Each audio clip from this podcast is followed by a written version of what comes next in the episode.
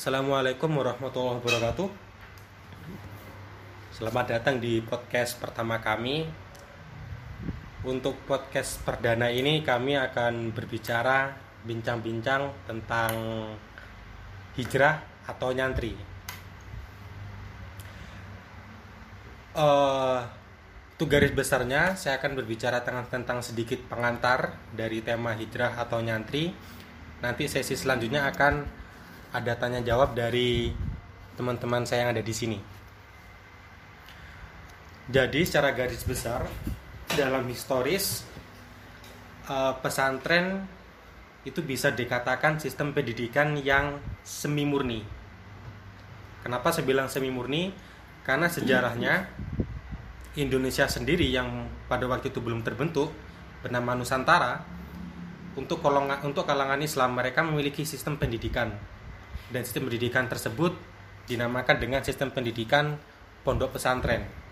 Jadi idealnya uh, anak-anak yang berusia di atas 10 tahun atau 12 tahun yang sekiranya yang sekiranya sudah akal balik nanti dia akan diantarkan oleh orang tuanya untuk menuju tempat si kiai tersebut. Nah, sedangkan kiai tersebut memiliki sebuah pondok pesantren.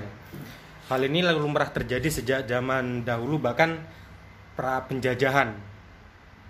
Maaf, maksud saya ketika zaman penjajahan, bahkan sejak VOC sudah ada, pesantren pun juga ada. Hanya saja kali ini saya akan berbicara dengan uh, berbicara tentang realita itu itu sedikit tentang historis. Nah, pesantren di Indonesia itu mengalami berbagai transformasi semenjak ada semenjak terjadinya kemerdekaan. Semenjak kemerdekaan dulu sistem pendidikan Islam seperti yang dipraktekkan di oleh Kiai Haji Mas Ari santri-santri masih duduk masih duduk di bawah itu menunjukkan sifat ketawaduan terhadap sang guru. Nah, sedangkan sang guru sendiri itu duduk, duduk sedikit lebih atas, bukan berarti duduk di atas kursi. Itu menunjukkan suatu uh, sisi ketawaduan. Kalau misalkan ini dikatakan sebuah hierarkis, uh, bagi saya pribadi tergantung perspektif kita melihatnya. Tapi itu nanti lain diskusi. Ketika Belanda sudah menjajah dan masuk Indonesia, mereka memperkenalkan sistem pendidikan ala Barat. Dan semenjak itu ada sedikit uh, kolaborasi, ada sedikit pendekatan supaya pendidikan pesantren bisa bersaing dengan pendidikan ala Barat. Hal ini dimulai oleh putra Kiai Haji Hasyim Asri yaitu Wahid Hasim. Oleh uh, Kiai Haji Wahid Hasim atau ayahanda dari Gus Dur sendiri. Nah, setelah mengalami berbagai dinamika sampai titik sekarang, secara garis besar ada dua jenis pondok pesantren. Yang pertama itu pondok pesantren itu sendiri, yang kedua ada pondok modern. Pondok pesantren pada perkembangannya ada yang tetap bertahan sistem seperti dulu. Hal ini bisa dilihat dengan contoh model pendidikan yang diterapkan di Sidogiri dan juga di Pondok Sarang. Di Sidogiri sendiri, santri-santrinya dan pesantrennya mereka tidak memiliki sistem pendidikan formal seperti SD, SMP, SMA. Hanya saja mereka benar-benar pure sistem pendidikan ala Islam. Jadi ada ibtidaiyah, ada aliyah atau sanawiyah. Ibtidaiyah itu seperti sekolah dasar kelas 1 sampai kelas 6 Nah, Tanawiyah atau Aliyah itu untuk kelas lanjutan. Nah, untuk ibtidaiyah ini sendiri uniknya setiap kelas mereka dilihat sesuai dengan kemampuan. Berbeda dengan sistem yang ada di Indonesia. SD misalkan, kalau SD umur 1 rata-rata umur biasanya umur umur SD, umur 7. Nah, sedangkan kelas 1 ibtidaiyah bisa saja umur 16, 17, bahkan kelas 4 ibtidaiyah ada yang umur 20 ada yang masih umur belasan. Nah itu seperti yang di Sidogiri. Sedangkan yang di satunya lagi seperti di Saram di Sarang mereka mengadopsi sistem yang sama. Nah sedangkan sistem pesantren yang satunya pondok pesantren yang pondok pesantren satunya itu mereka mengalami atau mereka mengadopsi sedikit pendekatan. Jadi pagi sampai siang mereka belajar di sekolah formal seperti di pondok saya. Jadi mulai dari jam 7 nanti pulang jam setengah satu. Nah nanti dari siang sampai malam ah, mereka belajar di pondok belajar agama. Ini yang lumrah di banyak ditemui di Indonesia. Seperti itu nah sistem pendidikan yang kedua itu ada pondok modern jadi yang pertama ada pondok pesantren itu sendiri ada pondok pesantren yang salaf seperti Sidogiri dan juga seperti Sarang pondoknya Kememun yang kedua ada sistem pondok pesantren yang ada pendekatan seperti pondok pesantren saya di Banyuanyar atau pondok pesantren Darul Ulum di Jombang dan banyak banyak pondok pesantren lainnya. Nah, sedangkan yang kedua itu pondok modern. Nah, ini yang memiliki identitas modernitas karena mereka benar-benar mengadopsi mengimplementasikan sistem pendidikan sesuai dengan kebutuhan sekarang jadi bisa dikatakan mereka sama seperti sekolah-sekolah pada umumnya, hanya saja mereka intens. Jadi mereka uh, mulai dari mandi, mulai dari pagi sampai malam kegiatan ekstrakurikuler semuanya di dalam pondok pesantren. Dan biasanya mereka identik dengan celana, tidak dengan sarung. Mereka identik dengan jas, dengan dasi, bukan dengan baju koko ala pondok pesantren. Nah, jadi ada dua kacamata, ada dua uh, hal yang bisa dilihat. Yang pertama, pondok pesantren itu mewakili uh, tradisionalitas dari sistem pendidikan Islam itu sendiri. Nah, sedangkan pondok modern dia ada pendekatan modernitas seperti itu. Bahkan di sistem pendidikan pondok pesantren murni seperti Sudogiri, mereka memiliki ijazah sendiri yang itu setara dengan ijazah SMA dan ijazah itu bisa bisa digunakan untuk mencari beasiswa di Timur Tengah atau juga bisa melanjutkan di perguruan tinggi Islam khususnya menggunakan ijazah itu bukan ijazah uh, eh, SMA tapi itu tetap jika diakui oleh negara. Sama juga seperti di Gontor mereka memiliki sistem pendidikan sendiri dan mereka mengeluarkan ijazah sendiri. Dan ijazahnya sama juga bisa digunakan untuk melanjutkan di perguruan tinggi negeri di Timur Tengah ataupun juga di universitas yang ada di Indonesia. Nah itu salah satu keistimewaan sistem pesantren di Indonesia karena itu dianggap sistem murni Nusantara. Tapi menurut saya itu semi murni karena itu hanya kalangan Islam yang menggunakan sistem seperti itu. Nah untuk selanjutnya sistem pendidikan sendiri uh, para lulusan para lulusannya mereka memiliki segmen tersendiri. Dalam artian segmen itu kelompok masyarakat bagi kita kalangan perkotaan, kalangan uh, kaum urban, yang sering kita temui ialah santri yang lulusan pondok modern.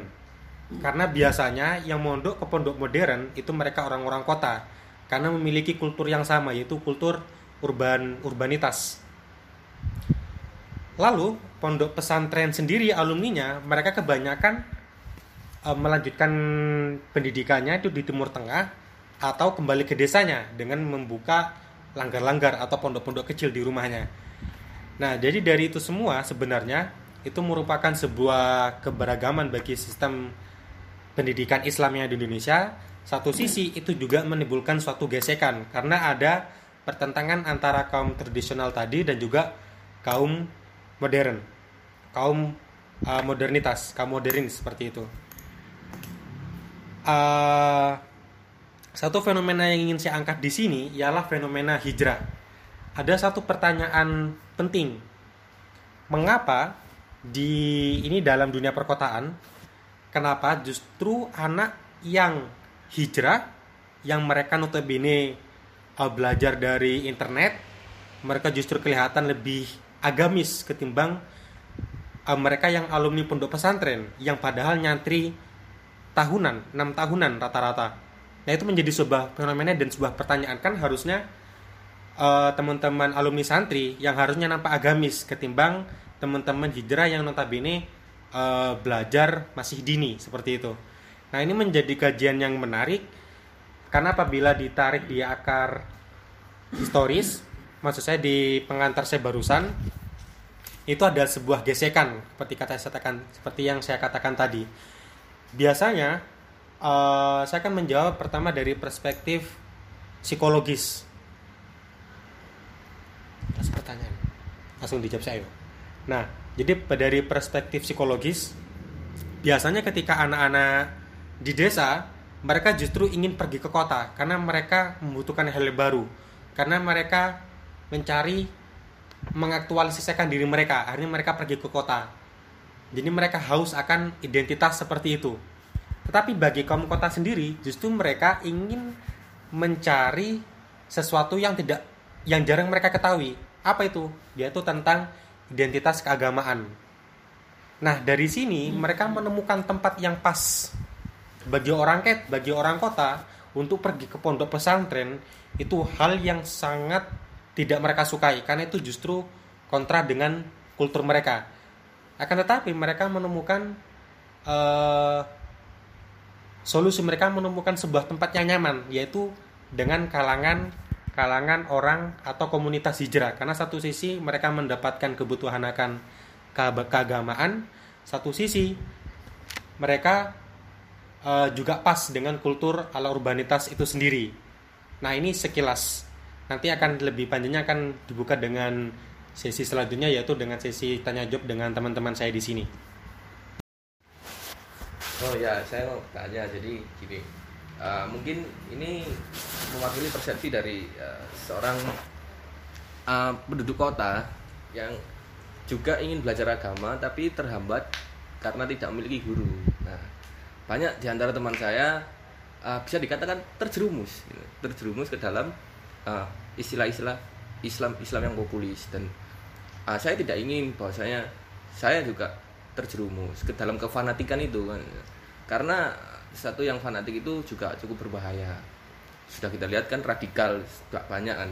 Nah uh, apakah ada cara sebagai uh, anda sebagai seorang santri untuk mengatasi hal ini? Jadi ketika kita tidak memiliki guru nah itu gimana caranya supaya ilmu yang uh, dicari itu sama dengan seorang santri yang memiliki guru?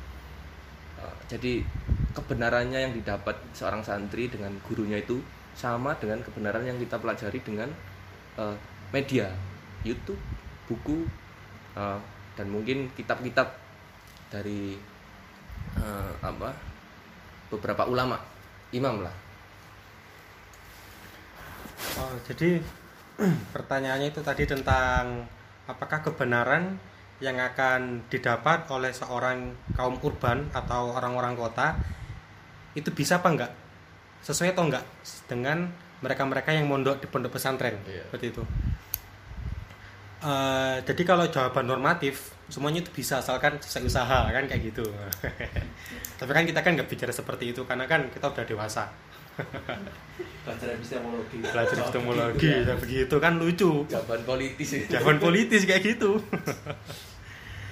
nah jadi seperti ini. Sejujurnya kalau bagi saya pribadi ini subjektif. Karena saya seorang santri itu hampir tidak bisa. Karena belajar itu butuh suatu totalitas baik waktu tekad dan juga uh, bahkan biaya seperti itu. Hanya saja kata saya tadi hijrah itu suatu jalan pintas bukan jalan pintas tapi suatu solusi atau suatu jalan keluar lebih tepatnya untuk mendapatkan akses-akses keagamaan. Itu jalan-jalan keluarnya di komunitas hijrah. Akan tetapi komunitas hijrah sendiri itu memiliki sedikit problem. Nah nanti nanti akan kita akan bicara ke sana. Nah jadi eh, jalan pintas tadi adalah dengan hijrah. Kenapa? Itu satu hal yang baik.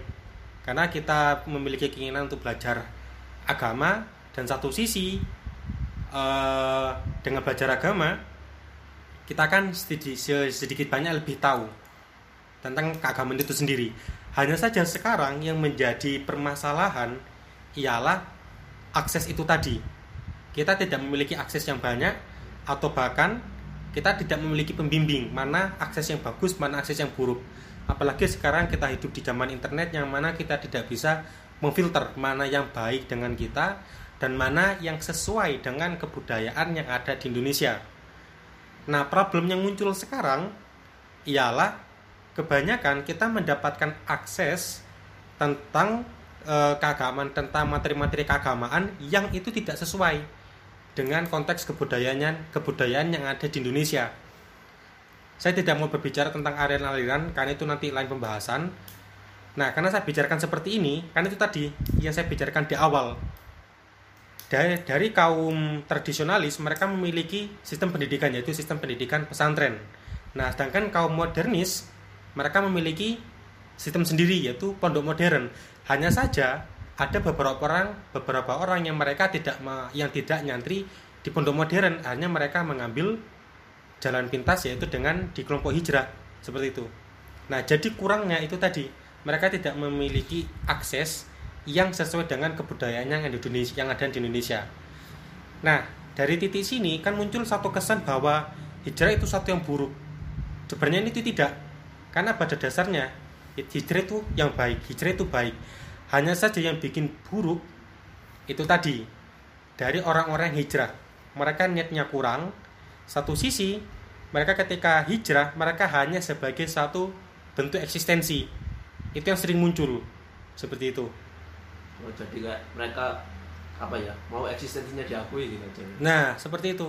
Kayak misalkan yang sering muncul sekarang dikit-dikit storynya tiba-tiba kutip-kutip oh, ayat gitu kutip-kutip ayat. gitu, itu nggak ya. segampang seperti itu. Padahal ayat. nggak tahu asal usulnya ayat itu gimana nah itu nggak segampang itu nggak segampang nggak segampang orang hmm. bisa menafsirkan ayat seperti itu. Bahkan uh, Quraisy pun beliau itu pernah ketika diskusi dengan Gusmus beliau itu tidak setuju dengan uh, penerjemahan dari teks Quran yang asli agak bahasa Arab diterjemah ke teks bahasa Indonesia karena takutnya nanti orang hanya akan membaca teks bahasa Indonesia-nya tanpa membaca tafsirannya seperti itu. Jadi hanya kayak takutnya nanti misinterpretasi. Nah, misinterpretasi.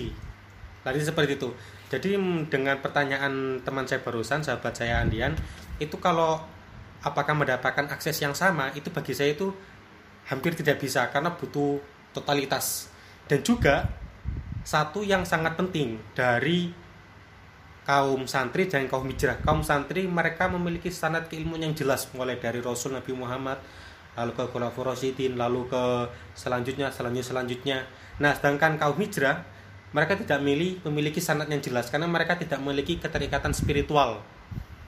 Nah, hal ini bisa dilihat dengan ketika orang tua yang membutuhkan anaknya, mereka sowan ke kiainya dan mereka menyerahkan sepenuhnya. Itu kan suatu bentuk uh, apa namanya? suatu bentuk ikatan ikatan spiritual mulai muncul di sana. Nah, sedangkan bagi kaum hijrah mereka tidak. Mereka hanya suatu bentuk komunitas tanpa ada satu ikatan spiritual. Itu yang membedakan. Mulai dari sana dan juga ikatan spiritual tersebut. Nah, jadi saya kira tidak bisa. Nah, untuk di titik ini saya ingin menambahkan kenapa uh, hijrah menjadi suatu fenomena apabila dilihat dari akar masalah itu tadi dari yang pertama tadi secara psikologis uh, setiap orang kota mereka membutuhkan suatu tempat untuk mengupdate sisi-sisi spiritualnya dan mereka menemukan tempat hijrah karena itu sesuai dengan kultur urbanitas. Praktis. Nah kan itu praktis. Bagaimana itu gampang. Tinggal buka Instagram mereka dapat. Beda dengan nyantri mereka harus mondok. Mereka tidak mau seperti itu. Nah jangan dari sisi sosial jangan dari sisi uh, sosiologis seperti yang kata saya barusan, mereka mendapatkan eksistensi di sana. Dengan begitu mereka mendapatkan pengakuan bahwa sisi-sisi kakak mereka sudah terpenuhi. Seperti itu. Jadi mereka tidak merasa malu apabila apabila mereka melamar seorang anak ustadz, apabila mereka oh, di masyarakat. Ah, di masyarakat mereka tidak malu karena mereka, wah aku loh wis ono. Hmm. Ah, aku loh wis nang masjid. Nah, aku wis abu. Jadi jidatku wis hitam. Padahal nggak sega, nggak segampang seperti itu. Aku cingkrang. Aku cingkrang. Aku jenggoten. Nah itu sedikit fenomena yang ya pokoknya jadi sampai kebablasan yang cowok saya pakai nikob nah, nah. masih jaber nanti masih jaber itu itu itu. Buka dengan nah, buka dengan tebel. Oh, mungkin pertanyaan selanjutnya